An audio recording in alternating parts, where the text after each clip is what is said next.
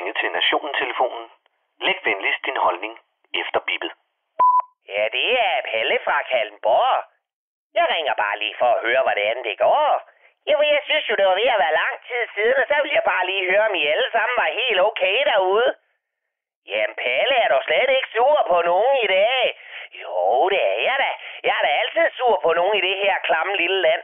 Det kunne jo for eksempel være Morten Messers den som i den rette uniform kunne have vendt skuden i 45 og med lethed have nedkæmpet den røde her, imens han skreg med på de farne hug.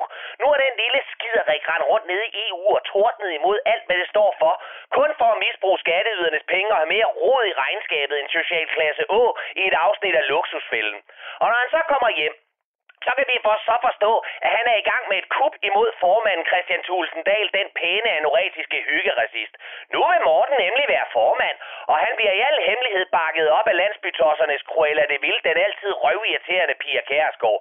Morten og Peter, øh undskyld, Morten og Pia har nemlig en ny strategi for DF, og det er på trods af, at det omvandrende Ødipus-kompleks til Messerschmidt stadig har en meld- og fældsag hængende over hovedet som et damoklesvær.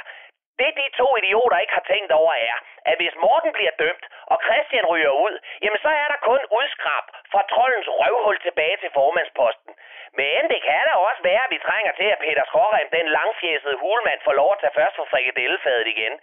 Ja, men Palle, er det virkelig det eneste, du kan blive sur over? På ingen mulig måde, men tak fordi du spørger, din idiot. Der er jo også Danmarks dræbersæbe nummer 1, Saslin Sørensen, den åndssvage blokkerkost, som turer nettet tyndt med parolen om, at vi skal tage mundbindet af. Det hjælper ikke, og corona er noget, Mette Frederiksen har opfundet i samarbejde med Illuminati og grønne mænd fra Mars. Prøv lige at høre her. Undrer det nogle af de unge mennesker topper i statistikkerne over smittet, nu hvor Sasseline er blevet din go-to-girl for information om corona? Det svarer jo til, at jeg bad Pernille Vermund om hjælp til at sortere affald, og ikke blade i kødnovellen, når hun ser på billeder fra Moria-lejren. Ja, men Palle, der kan da være noget om snakken. Ja, selvfølgelig kan der det, og frimurerne er skyldigst i Rossens julekoncerter.